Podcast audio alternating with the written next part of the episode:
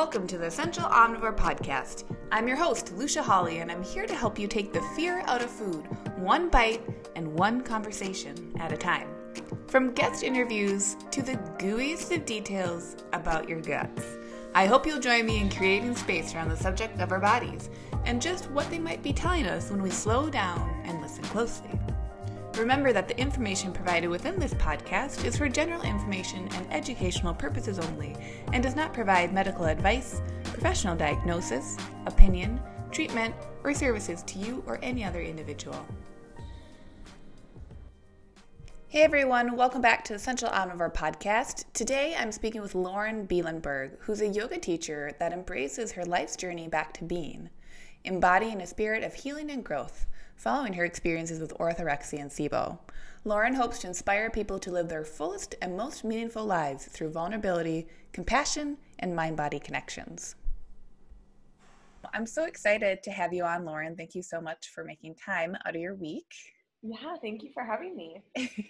so, for the listeners, um, I think we're just going to dive right in. I know that there are a couple of different kind of parts to your story. So, um, take us back, if you will. Okay. Um, yeah. So I guess looking back, kind of where everything started, um, I grew up doing competitive gymnastics for about 10 years. And uh, that sport in itself is really, it's really fascinating, um, just like what you can do with your body. But also, there's um, some expectations. You know you're striving for this perfect score. You're striving for um, to be perceived a certain way or you're judged basically. And um, so you're constantly striving for perfection. Um, also having a certain type of physique um, is encouraged in gymnastics. And you know you're working i was working out like 16 plus hours a week um, at a very young age. Um, and because I stopped doing gymnastics when I was in high school. Mm. And fortunately, I was in a gym where there wasn't body shame, but there were many gyms that we would compete with that, you know, they had very, very strict expectations for gymnasts for how they trained, what they ate, how they looked. Um, and so that's kind of where that all started for me. Um, when I got out of gymnastics, I started going to the gym in high school, which that kind of led to, you know, through relationships and um, kind of finding my way, in addition to in high school wanting to be, you know, liked and accepted. And um, I, that was when I first kind of started toying with restrictive eating and over exercise. Um, I would work out, you know, I would do like 90 plus minutes of cardio a day. And then I'm like, I'm not going to eat carbs. I'm not going to eat, um, you know, any sweets. I'm not going to have chips or crackers. And I just cut so much out. Um, and that kind of came and went. Uh, once I got into college, I would say I kind of, the exercise piece was still there. I wasn't as restrictive with my eating but then you know you turn 21 and you're going out more and you're drinking more and um, you know kind of your perception on you know my body shifted a little and um, i kind of struggled with that a little bit. And when i got out of college i uh, threw myself into exercise that much more. And i would say that's kind of when things really started um, escalating for me. Um, i would work out a lot, went back to restrictive eating. And then once I hit 25, I got this pull to do some type of physical challenge every year. Mm. So um, it started with Tough Mudder in Tahoe, which actually was a great experience. But, um, you know, I went from Tough Mudder, then I did an Urbanathlon in San Francisco. I trained for a half marathon. Um, I would do boxing, I did heavy weightlifting. And then I would say it was a couple years ago where things just kind of hit an all time low for me. Um, a lot of personal stuff was happening as well, just relationships, uh, changes growing. Um, I'm 30 now, so you know I was in that kind of what am I doing with my life? Where am I going? And um, I ended up working out almost double what I was doing, restricting that much more. And it was challenging because, especially with um, societal expectations, you know, I was praised for the way I was looking. Everyone's like, God, you look great. You're so, you eat so healthy. Um, you know, tell me your workout routine. What do you eat? And I you know it it almost solidified like oh i'm doing the right thing. Like i'm you look great. Like it doesn't matter how you feel. And i almost started to think like i wonder how this is how i can maintain this. Because the extent that i was working out you know two to two and a half hours a day um, and in hindsight looking at how little i was eating i'm almost surprised that i was able to maintain it as long as i did and then um, it was about a year and a half ago, maybe almost two years ago, I took my workout routine and I thought it would be a great idea to add marathon training to it wow. instead of switching my routine. I was like, oh, my body's great. I can do this. I'll just like triple the miles that I'm running per week and not alter my diet and I'll be totally fine. And I quickly learned that that my body was like, oh yeah, no way. Like this is not this is not going to happen. What what and, did I'm curious what some of the signals were that your body started to show when it was like, oh, this is not this is not going to happen. Yeah, it was really interesting. I remember I remember it so vividly. I was um, running. I I lived in the Sunset District of San Francisco, and I would run around Lake Merced a lot. And I think it was when I started getting towards the end of my training, and my body just started to feel so weak I was tired. Um, my body was aching. Um, I started to feel cravings for food, like carbs, but I wouldn't let myself. I'm like, oh no, you'll just have your chicken and veggies. And it, it, I didn't ever feel, um, right word? Like I didn't ever feel like my body was content like oh okay this is there was always some type of turmoil. I have ibs so you know i started having really bad stomach distension. Um, i wasn't sleeping very well. And i remember um, so vividly there was one run that i did i think it was like my 17 mile run. And mind you i used to go on these apps and see how fast i could run this mm-hmm. 17 mile run. And in my mind i'm thinking like oh yeah, I got to beat this mileage where it's like, I'm not going to win this thing. Like, this is my first marathon. Like, I, my goal is just to complete it. Um, but I was so wrapped up in this expectation. Um, and I remember I was on the phone with my dad and I was crying to him because I was walking up the stairs and I almost couldn't walk up the stairs. I was in so much pain. And I thought to myself, like, wow, I am 28 years old and it hurts to walk up the stairs. Like, this isn't this is not I and I hate this word, but this isn't quote unquote normal. You right. know, like I should be able to easily get up and down the stairs at 28 years old. Right. Um, yeah, so those were kind of the start of the symptoms. Um, it progressively worsened as um, my distension was really off. And I started working with a nutritionist during this time as well. And I think the um, where things kind of started going downhill was you know the nutritionist focus was like wow you're exercising so much and eating so little. We really need to kind of bump up what you're eating. But without taking into account how really how little i was eating to go from that to then what you should be eating as a marathon as you're training for a marathon you know my stomach i don't think knew how to digest the food. And so I would have maybe like a little bit more than what I was eating before, and I would be so distended and so bloated and so uncomfortable. And like I'm eating real food, like I'm not even eating processed food. Why is my body doing this? Right. Um, and so I I knew I think that was kind of the start of like realizing something was off and like connecting to my intuition and my body. Um, you know, working with a doctor as well, you know, they gave me supplements to be like, well, if you're doing this training and, you know, they realized that I had adrenal fatigue. Um, you know, I was, my digestion was off. Um, and so they were like, we need to give you these supplements.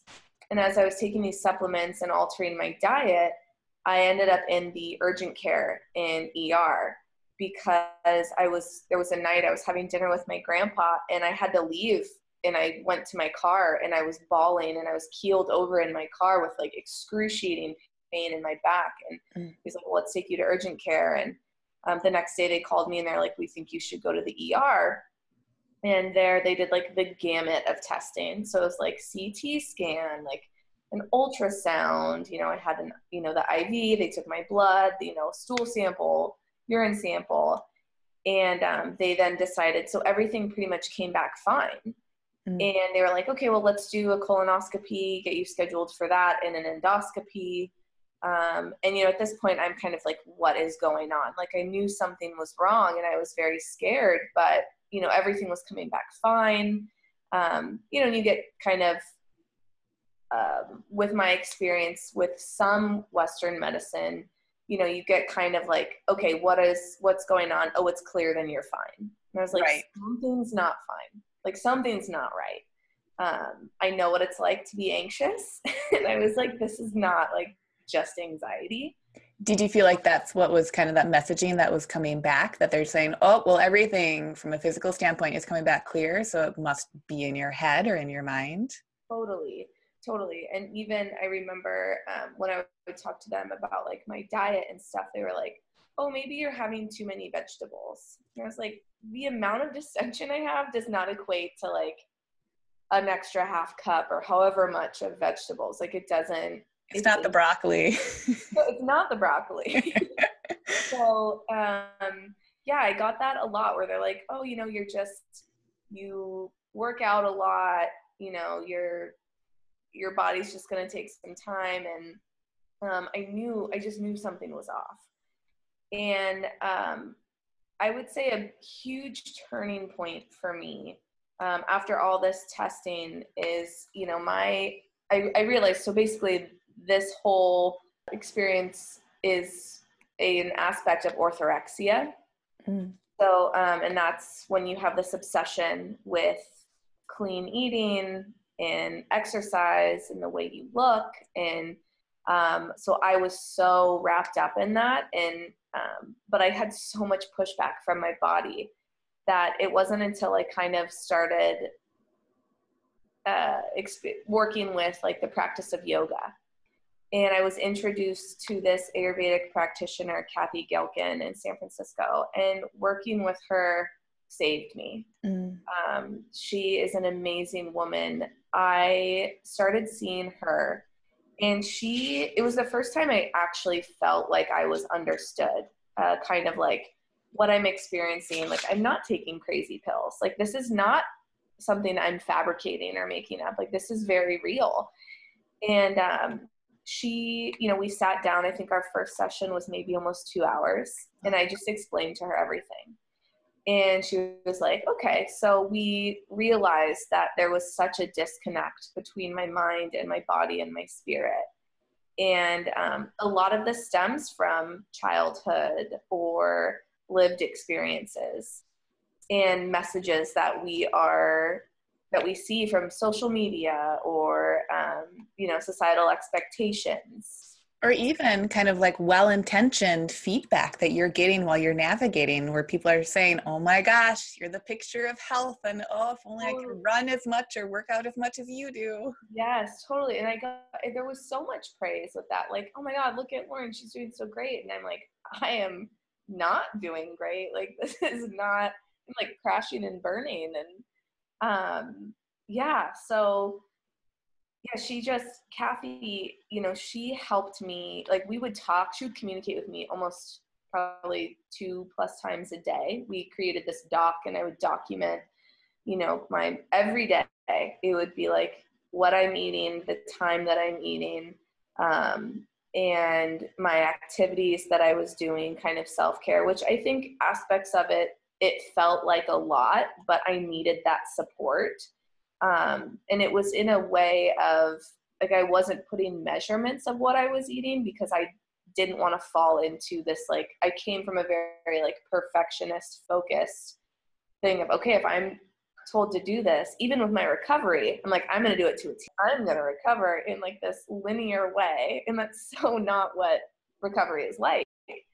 And um so she kind of helped me like I would encourage you to let's try to increase this or let's you know it was a lot of from where I was at it was a lot of increasing. Um, I, I learned a lot from her kind of okay what foods are going to be easy for me to digest? What foods are going to be um, nourishing and healing? And a lot of it was triggering. I mean i had this meal and it actually became one of my favorite meals called kitchery and that's just like straight i mean that's right it's like a rice porridge almost but for someone who was not eating carbs to being like, wait, you're gonna have me eat this for breakfast, lunch, and dinner. Like, oh my gosh, like so, so scary for me. But you know, my health to me was so important in my I'm like, I'm too young, like there's too much of my life to live. And um, you know, she helped me come up with really fun recipes for um, things that would be sweet and delicious. Like there was this um, butternut date porridge that I made, and I loved it. It Yum. was so good. So good. and um, you know, she helped. She gave me some lots of herbs, so teas that I would drink, um, and it was all natural, which was wonderful. And she helped me slow down and work on my breath work. And um, you know, I would see her once every two weeks um, I would even get, she did um, body massage. She's a licensed masseuse as well. So I would do, get massages with her.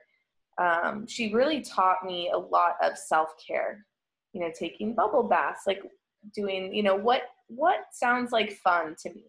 And at the time it was like, oh, going to the gym, going for a run, like doing some more weights. Like, you know, what else would I do than like eat, live, breathe the gym?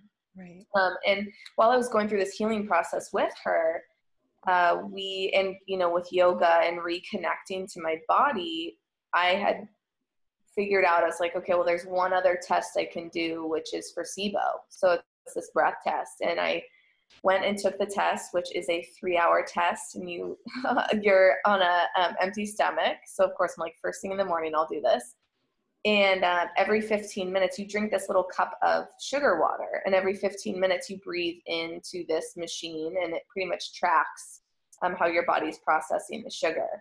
And um, i found out this has been about a year now that i do have sibo which is um, small intestinal bacteria overgrowth. And so that you know was something that a part of me was like yes finally like i knew that there was something aside from the orthorexia that it was also there was something that was amiss. Right. And um, so you know the there was a positive of like okay now i know that i have this. But then once i found out what sibo was and kind of the treatment for that i was like oh man i felt like a rock in a hard place because with sibo they automatically are like all right low fodmap diet. So i'm like okay i just went from like not eating to then being like what shouldn't I eat? And so for me, you know, uh, this journey for me, I do still have SIBO. Um, this journey for me has been kind of figuring out, all right, so let's try not to eat things that aggravate the SIBO and the distension, but also living is really important to me. Like this whole idea of how can I live my life while having SIBO or in the recovery process. And um, like learning to befriend my body and mm. accept my, my body um, as a part of me, not that it's working against me. I think a big turning point for me, and I remember this as well so vividly, was I was talking to Kathy, and I was, you know, this, I've gone through many phases through recovery. And this was a phase where I was like, I want this to be gone. Like, why did this happen to me? You know, I thought I knew, I did the best I could knowing what I knew then and um, i was like i've changed my workout routine i've changed my eating like why am i being punished? And she said to me she was like lauren your body is not punishing you your body is doing everything it can to keep you alive. And i think and ironically this was when i was at the gym but i was like doing the yoga practice at the gym so I, it was it's kind of like oh this is a really interesting like i don't need to be at the gym like i can do this at the home at my home i can go to the beach i could do this somewhere else. And i think that was the big turning point where i was like wow my body is not punishing me. Like it's trying to keep me alive. Um and so yeah i mean i think um kind of fast forward to how this has evolved for me is that through yoga and primarily working with Kathy, you know, I'm learning, I'm still learning, you know, how to be patient with myself and befriend myself and love my body, regardless of what it looks like, and um, to create space for myself to just be.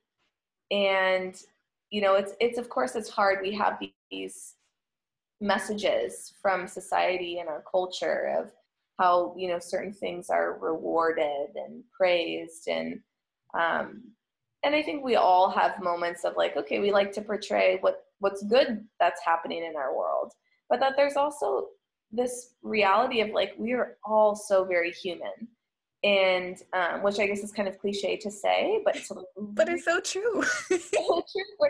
like, oh my gosh, and, and, you know, I when I was thinking about you know my my journey and recovery, and I was like, wow, I'm having like a human experience. You know, I treated my body like a machine for so long, like wake up at this time, go to the gym, do this routine, go to work, go home, go to bed, do it again. That I was I was such a robot that I, I was missing, you know, emotion. I was missing experiences. I was missing human connection, um, which I'm still learning. You know, I uh, just this year, I moved about six months ago from San Francisco to Portland, Oregon, and I sold everything that did not fit in my car. I drive a Toyota Corolla, so I couldn't like bring my bed. I didn't bring, you know, I sold literally everything that fit in my car. And um, I was like, I'm just gonna do this, and I there's no way that you can really start fresh per se. Like we all have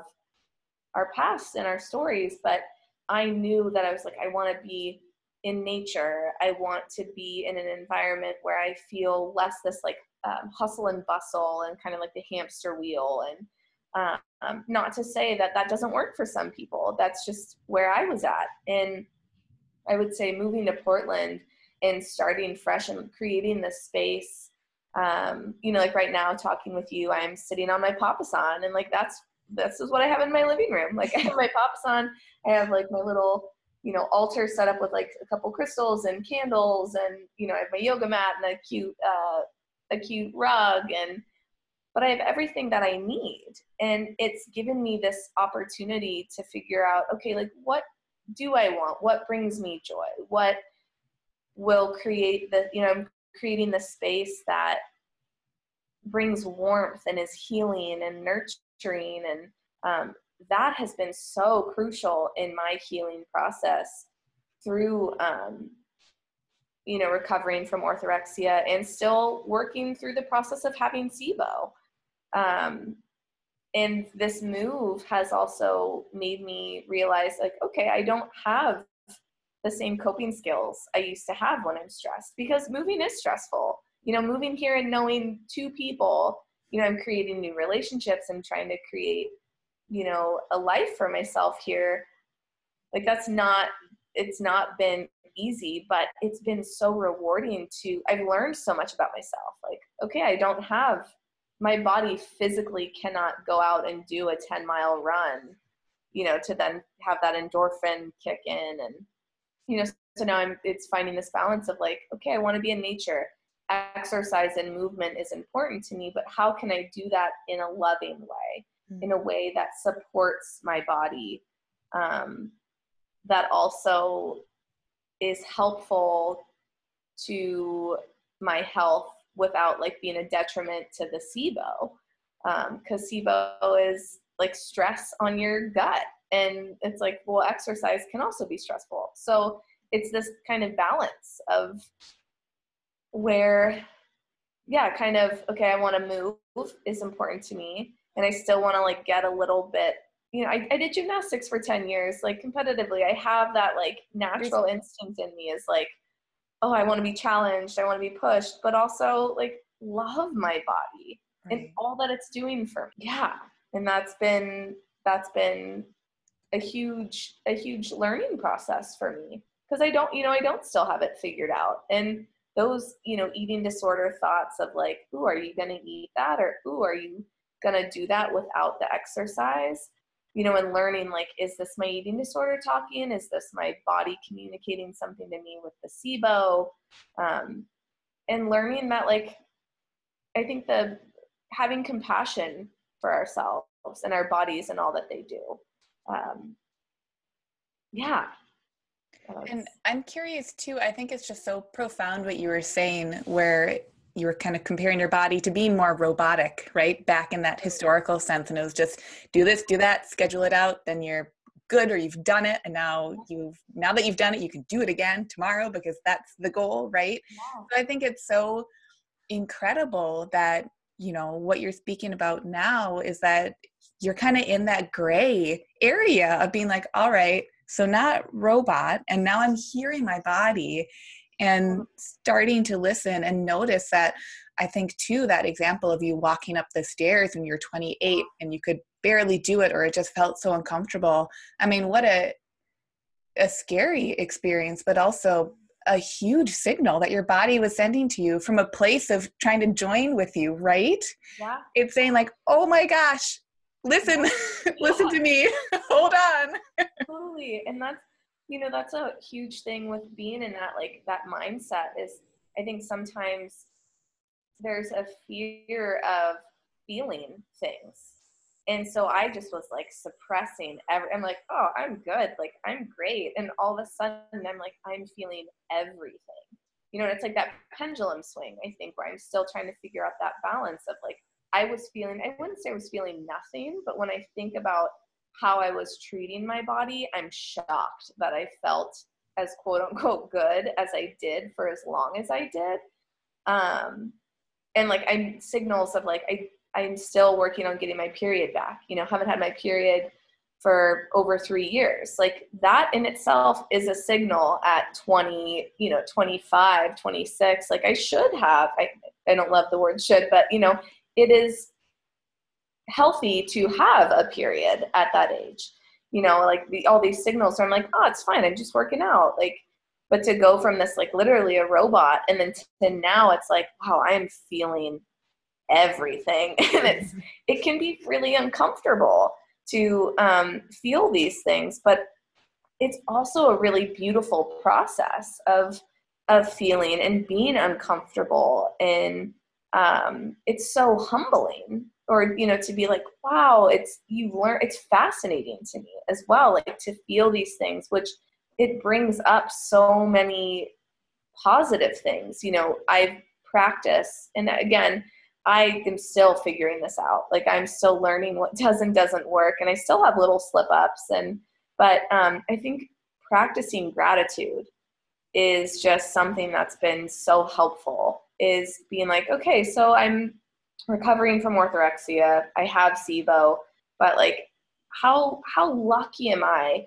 to have these experiences and to still be alive and have the support system that I do have and to find an exercise like yoga where I feel challenged in ways where I haven't been challenged before and to actually feel connected to my body and my breath like creating this union of you know what my intuition with my you know the physical part with my spirit and um, coming back to that being of you know you're born as a being and before all these like messages and experiences happen you know kind of what what it's like to really be present and grateful for what we do have. Like the world i remember thinking to myself like how beautiful is like and of course there's a lot of stuff going on in the world. That's not that is not ideal right. by any means. But you know even things as like being able to breathe and learn what I want to advocate for, like what's important to me. Like there's so much more to the world, and you know that it's such a journey and a process, and figuring out kind of uh, where what works, what doesn't work, um, and being respectful to our bodies.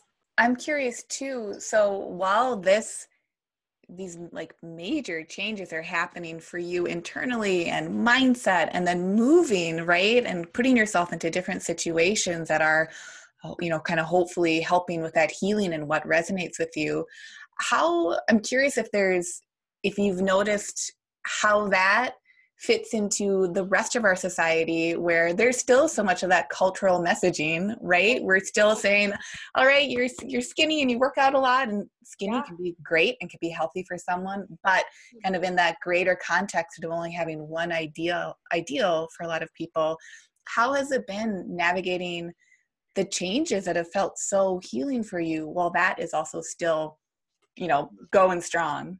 Totally um so in the at least in the beginning for me, I had to kind of like quit cold turkey with some of that. So I removed myself from a lot of like uh, some social media things just because it was a constant reminder. I think now as I'm becoming more aware of what like feels better for myself, um, I can look at it from a different lens or a different perspective. Um, it, I think aspects of it makes me sad because I feel for that. Like that was such a huge part of my world for so long. Um, and I think, you know, my, the one thing, especially with this move, that has really resonated with me is vulnerability equals recovery. And so for me, it's like, you know, I, I see these societal messages and, but then I also, I think that's what inspires me. And to be like a voice to empower people that like yes these messages are here and aspects of it can be healthy or can be beneficial because every everyone's body is different. You know some people are just naturally thinner. That doesn't mean that they're not healthy you know? Just as someone's body might be naturally heavier and that doesn't mean they're unhealthy. Um, and so i think it's kind of you know the thoughts for me are still there. So when I see these messages, that thought of like, oh, maybe I should go go do this run or oh, maybe I should go or I should stop eating this. They're definitely still there. It's just learning to be to slow down and kind of take a moment of like, okay, just breathe. Like your body needs nourishment or like what feels good. And so I think it's it's kind of finding that balance and also doing things that are different for me. So this move has given me the opportunity to, you know, I didn't want to bring those old patterns with me. I want to try something new and I want to be challenged in different ways. And so, you know, with new relationships, new career path, um, you know, even this conversation with you, like vulnerability for me and is so healing. And it's also bringing awareness of like this is so real like people like people have stories like we have these messages but and it could look a certain way but that doesn't necessarily mean that that's what it is and i think coming back to that has been really helpful for me I think that's absolutely huge. And it it almost kind of I think brings in an element of curiosity and almost being like playful with your body, right? Being able to say, okay, there's that big message there. Yep ah and yep. what am i feeling does it integrate does it you know yep. does it trigger something does it might it trigger something next week or two months yep. ago but right now it feels just fine yeah. it's that total gray area that is really hard i think it's so hard to conceptualize and be able to speak towards that gray area so i think you know what you were saying about vulnerability and having that healing come from just pursuing activities that encourage that vulnerability it, what could be more powerful? Totally and that's you know a big part. So i got um i got certified to teach yoga just about right before i moved. And um you know now when i'm i have a regular class and um you know when i teach the class it's so interesting. Even when i sub at places you know there's that feeling before of like this the nerves and this pressure. And you know especially with yoga you know you want and i think with my relationship with yoga is holding that space for people to feel vulnerable to be challenged to really connect with their bodies and their breath. You know it's not just with yoga there's eight limbs you know it's not just about the physical practice but being able to incorporate all of that in a safe space for people you know is um, is very rewarding and exciting but also for me it's i don't i don't want to say scary but you know it brings up a lot because i want i care and i know how much yoga has impacted my life and it's vulnerable for me because i'm sharing that while also holding the space for people right it's big yeah. yeah. here's a question and it's again they don't i don't think anyone can have a perfect answer. I think we spoke about this before, but just curious, what what is your idea of happiness? Ah, my idea of happiness um, is well. So I have the my initial thought is like a really delicious piece of chocolate. Um, I love chocolate, but um, I think for me, a really big piece of happiness is being connected to my intuition and trusting in myself, regardless of the um, situation.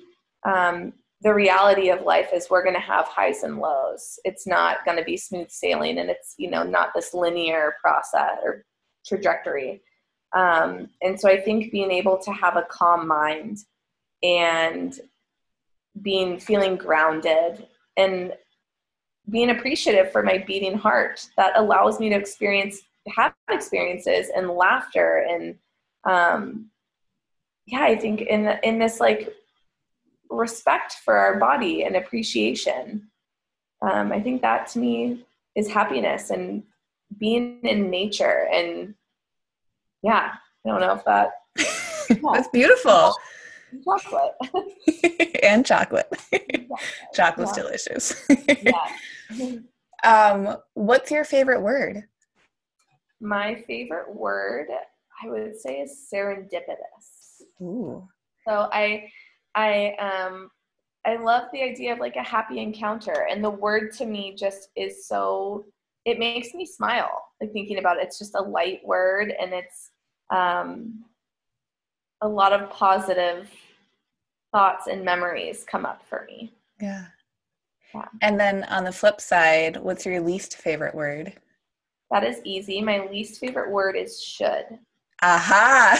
yeah, yeah, yep. And I've tried to actually, I've tried my best to take it out of my vocabulary, but I feel like with that word should, there's a lot of judgment and expectations and um, kind of discrediting our experiences or what feels very real.